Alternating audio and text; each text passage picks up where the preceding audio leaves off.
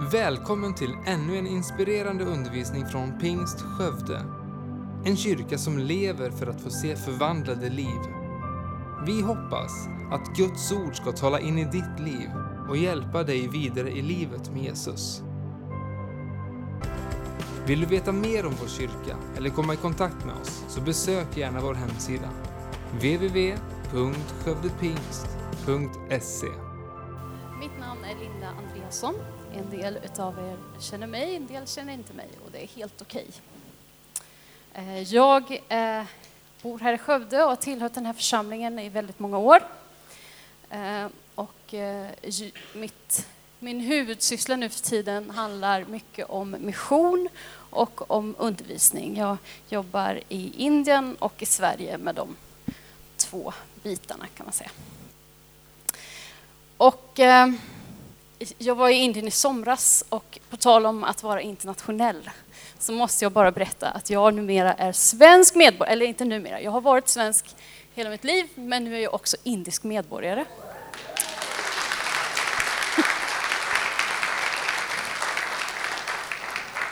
Och eh, det är eh, ganska svårt att bli om man inte föds där, men eh, det har hänt mig att jag har blivit det och det är ett stort, eh, ett stort under och fascinerande för då är det mycket lättare för mig att resa till det landet. För det är ju mitt hemland också. Hörrni, vi ska läsa i Romarbrevet. Romarbrevet kapitel 3. Och eh, vi läser från vers 21 och framåt. Nu har utan lagen en rättfärdighet från Gud blivit uppenbarad, en som lagen och profeterna vittnar om. En rättfärdighet från Gud genom tro på Jesus Kristus för alla som tror. Ty här finns ingen skillnad.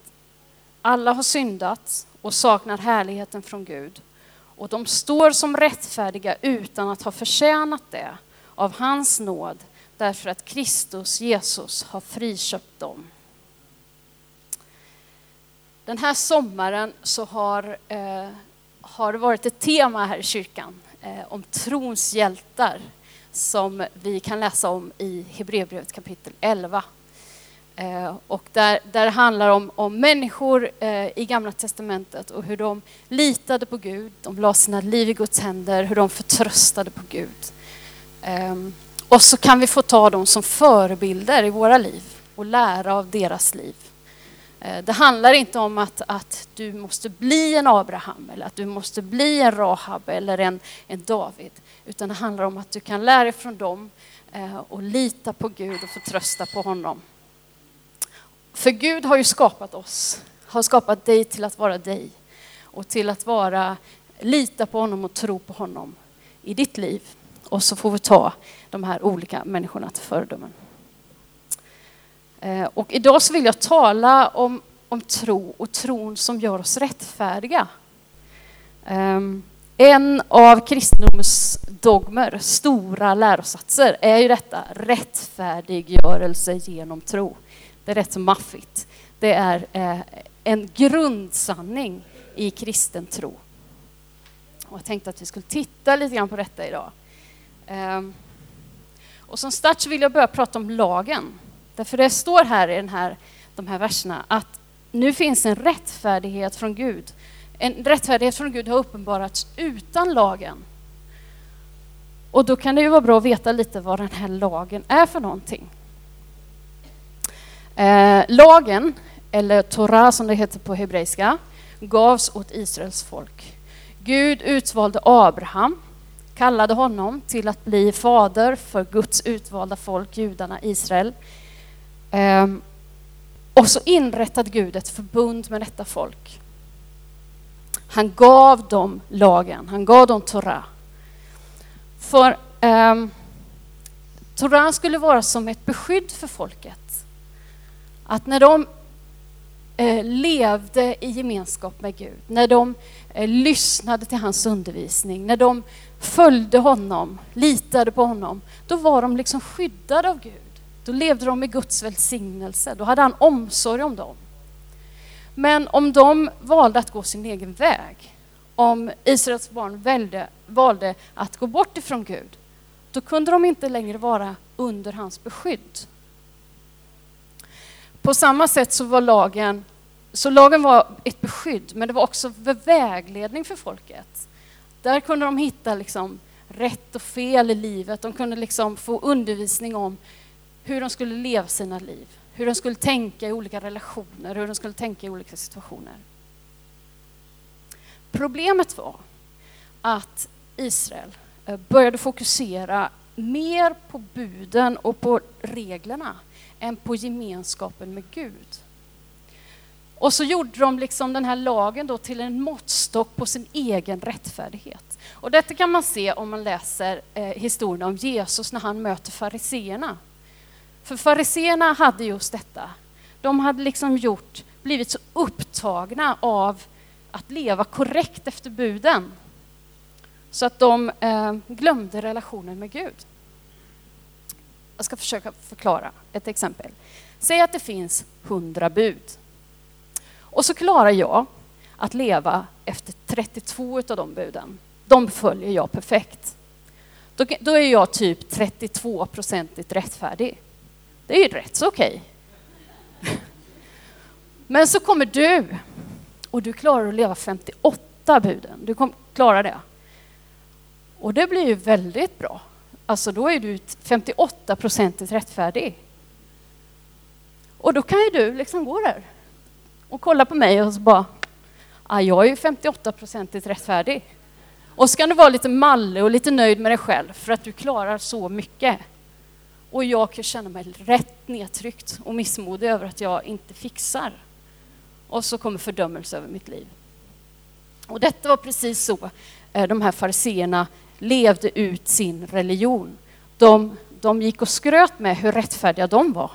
Och så tryckte de ner andra som inte riktigt lyckades att nå upp till det. Och detta kan faktiskt ske med oss också.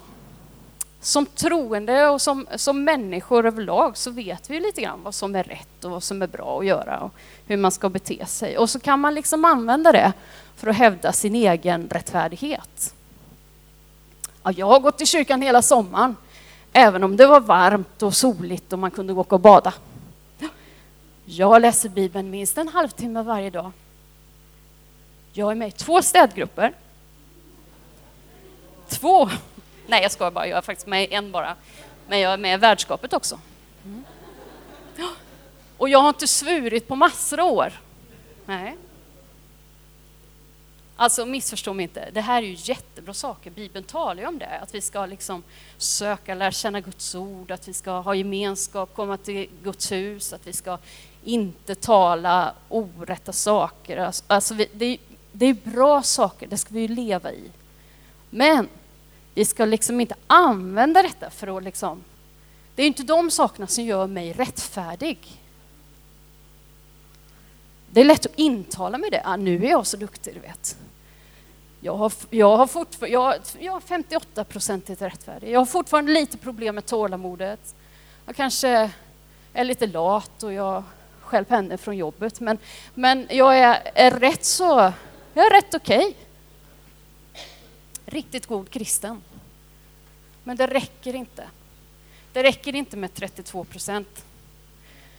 Det räcker inte med 58 procent rättfärdighet. Gud kräver 100 procent. Men det är inte möjligt. Ja, men Gud kräver det. Bibeln säger att Gud är helig, att Gud är ren, att han är avskild, han bor i ett ljus dit ingen kan komma. Han är hög upphöjd. Ingen oren eller syndig kan komma nära Gud. Det är vad Bibeln säger. Paulus han skrev ju detta, vi läste ju precis. Alla har syndat och gått miste om härligheten från Gud. Och då är det ju kört. Ingen kan komma nära Gud som är helig. Vi, vi syndar ibland, vi handlar fel, vi beter oss illa. 100 procent kräver han. Och Paulus insåg detta. Lite längre fram i Romarbrevet så utbrister han i kapitel 7. Jag arma människa, vem ska rädda mig från denna dödens kropp? Han fick liksom till slut bara, det här är too much, det här är för mycket, jag klarar inte. Och det gör han inte. Det gör vi inte. Vi klarar det inte. Vi räcker inte till. Vi är inte fullkomliga. Vi kan inte frälsa oss själva genom olika handlingar. Gå inte. Vänta. Jag, jag kommer till något som är väldigt bra. Paulus han skrev nämligen, om vi kommer ihåg vad han sa nu då, i Romarbrevet 3, att det finns en rättfärdighet från Gud. En rättfärdighet genom tro på Jesus Kristus. Det stod att vi kan bli rättfärdiga utan att ha förtjänat det. Alla har syndat och gått miste om härligheten från Gud, men det finns en som är rättfärdig. Det finns en som inte har syndat, Jesus Kristus. Genom att tro på honom, att lägga våra liv i hans händer, genom att förtrösta på honom, att vandra med honom, då gör Gud oss rättfärdiga. Detta är det stora. Gud är helig, Gud är ren, Gud är avskild. Han bor i ett ljus dit ingen kan komma. Men så säger du ditt ja till Jesus. Så tror du på Jesus och då blir du iklädd Jesus. Han som är helt rättfärdig. Så när du då kommer inför Gud, när du då har ett bönämne, när du då känner att äh, men jag behöver någon som är större än mig själv, då kommer du iklädd Kristus inför Gud. Och då tittar Gud på Kristus och så får du komma ända fram till Gud. Och så kan du ha gemenskap med Gud. Vi kan läsa ett annat bibelord i Galaterbrevet. Galaterbrevet 3.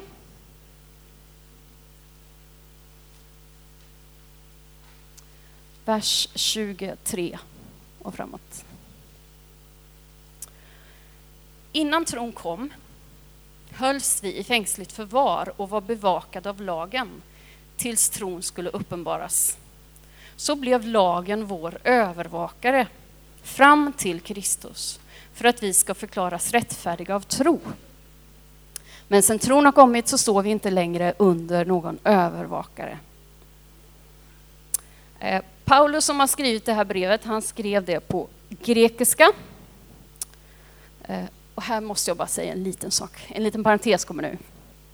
Han skrev på grekiska. Eh, Gamla testamentets skrifter var ju skrivna på hebreiska.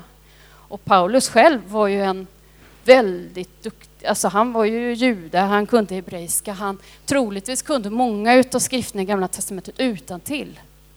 Varför skriver han då på hebreiska, eller varför skriver han då på grekiska när han skriver sina brev? Jo, men han levde i romarriket. Det här brevet är skrivet på 50-talet. På verkligt 50-tal. Eh, och eh, romarriket eh, var då de här länderna som idag runt Medelhavet. Eh, och typ det stora eh, riket på den tiden. Och där var huvudspråk, det stora språket som talades var grekiska. Och då var det naturligt för Paulus, som hade en kallelse att undervisa eh, de som bodde i de här olika länderna och, och, delarna om Gud, att skriva på grekiska så att de skulle förstå. Ja, men det är självklart, säger du. Ja, vi tycker att det är självklart att man ska förstå vad Gud säger. Men jag har, eh, när man reser lite grann i världen så ser man ju, ta till exempel islam. Där eh, skulle ingen rättrogen muslim skulle inte titta åt den Koranen som är översatt till svenska. Utan du måste läsa Koranen på arabiska för att om Gud verkligen ska tala till dig så, så måste du läsa på arabiska. Likadant i Indien. Eh, jag bor ofta eh, eh, hemma hos en kvinna som är jättehärlig. Eh, hon är starkt troende hindu. Och varje morgon och kväll så sitter, sitter hon och gör sina riter inför gudarna och hon rabblar mantran och böner på sanskrit. Sanskrit är ju verkligen inte hennes modersmål. När hon pratar med sina barn eller på telefon så pratar hon inte sanskrit. Sanskrit är ett språk som egentligen inte talas i Indien, förutom just av präster och religiös, i religiösa situationer. Och så har olika religioner det är som att de har, måste ha ett speciellt språk för att tala med Gud. Och många kan inte de här språken. Men vi har en Gud som vill prata till oss så att vi förstår vad han säger. Det är helt fantastiskt. Som förstår vad vi säger när vi talar med honom på svenska eller arabiska eller spanska eller vad som nu är ditt modersmål. Han vill prata med oss så vi förstår. Det tycker jag är gött. Eh, slutparentes. Här skriver han på eh, grekiska om en övervakare, att lagen var vår övervakare. Och ordet som man använder då är ordet, nu kan inte jag uttala det på riktig grekiska, men paidagogos. Och det låter ju väldigt likt vårt ord pedagog eller pedagogik och det är för att vi har snott det från grekiskan. Eh, och på den här tiden i romarriket eh, så brukade finare familjer, rika familjer, eh, brukade, när de fick barn så brukade de anställa eller skaffa en slav som, som var en övervakare för deras barn, som var som en lärare eller pedagog som skulle liksom uppfostra deras barn under deras första levnadsår. Skulle lära barnet eh, allmänna goda etiska regler och hur de skulle leva sina liv. Ni vet hur man, att man borstar tänderna morgon och kväll, hur man eh, relaterar till äldre personer, att man inte eh, att man eh, liksom torkar bort mjölkmustaschen när man har druckit mjölk. Att man eh, inte, jag vet när jag var liten och jag och min brorsa var liksom trötta på morgonen och hängde så här på bordet och käkade frukost, då brukar min pappa säga inga stöttor på unga hus, brukar han säga då. Vilket betyder att då ska man inte luta sig. När man är ung och stark, då orkar man hålla upp huvudet utan att ha en extra arm som håller.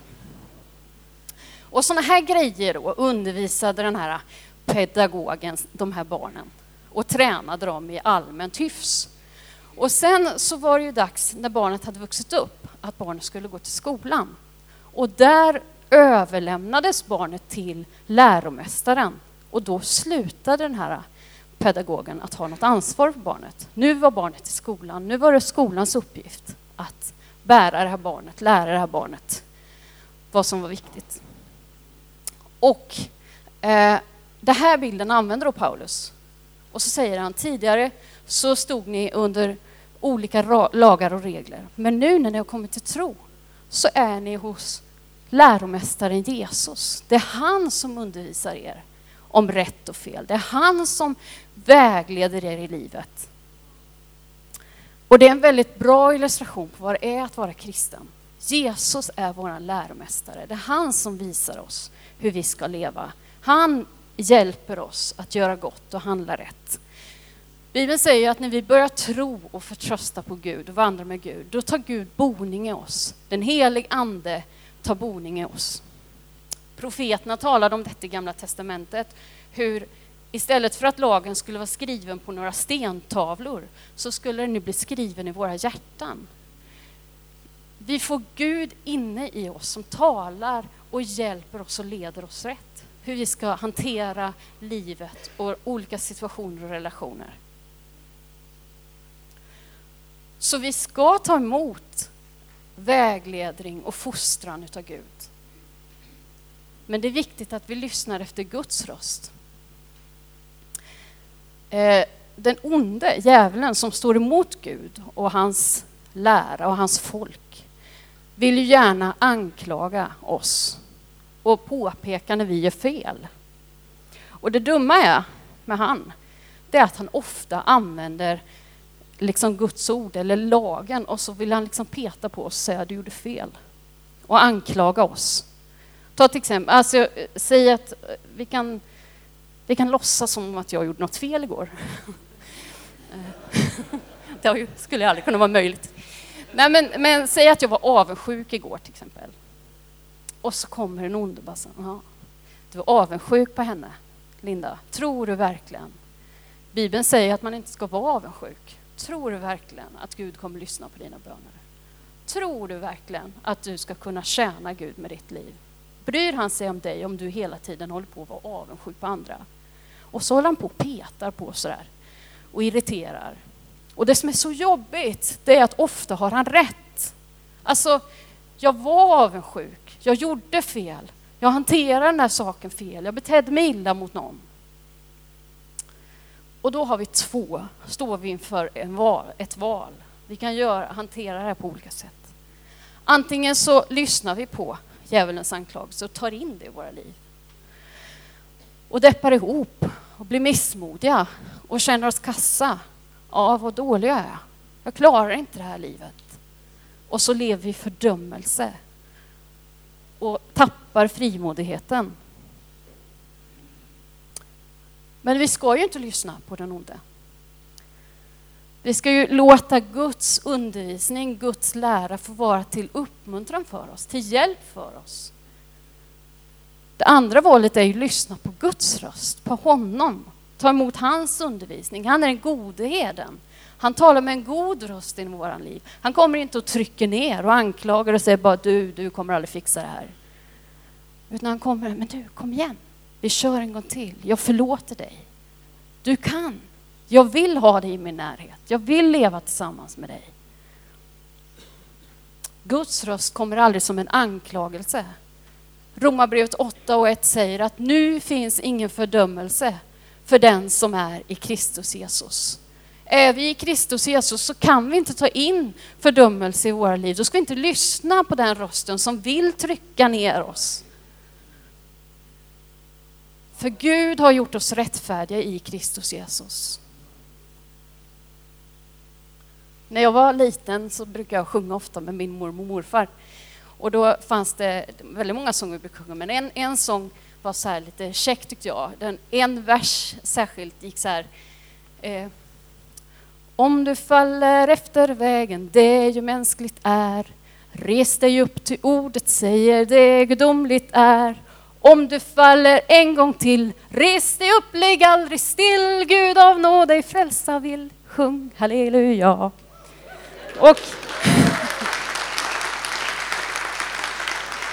och, och detta är så sant.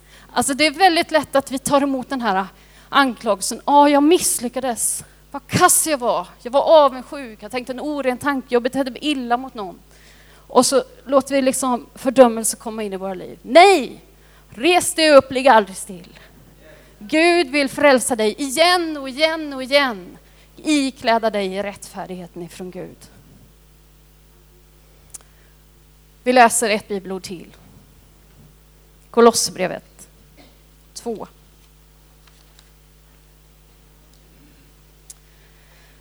Kolosserbrevet 2 och 13. Ni som var döda på grund av era överträdelser och er oomskurna natur, också er har han gjort levande med Kristus. Han har förlåtit oss alla överträdelser och strykit ut det skuldebrev som med sina krav vittnade emot oss. Det har han tagit bort genom att spika fast det på korset. Det där skuldebrevet, den här långa raddan med, med misslyckanden, synder och fel i våra liv, det är upprättat av den onde själv. Han skriver det som en räkning, som en faktura, en lång lista på vad vi gör fel, alla, alla brott som vi har begått. Och så anklagar han. Och det är rätt det som står på den här eländiga listan. Jag har gjort allt det där.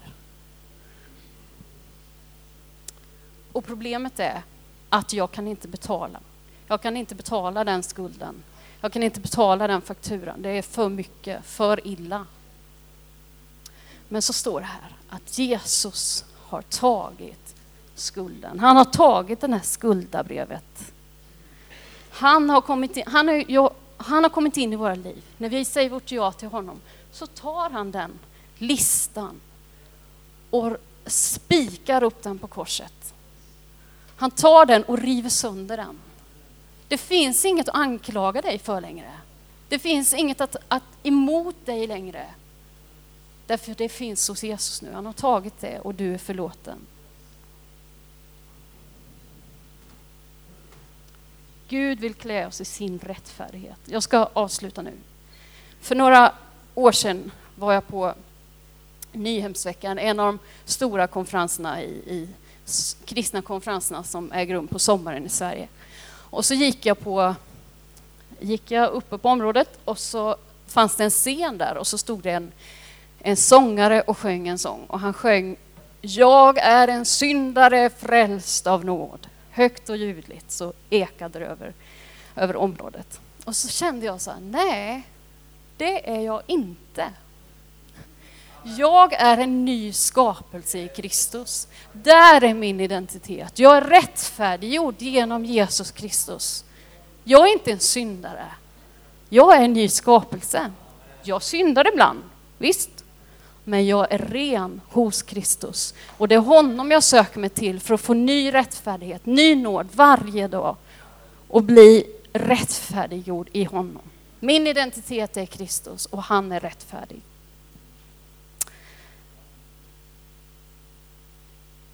Vi ska ta en stund nu och be tillsammans.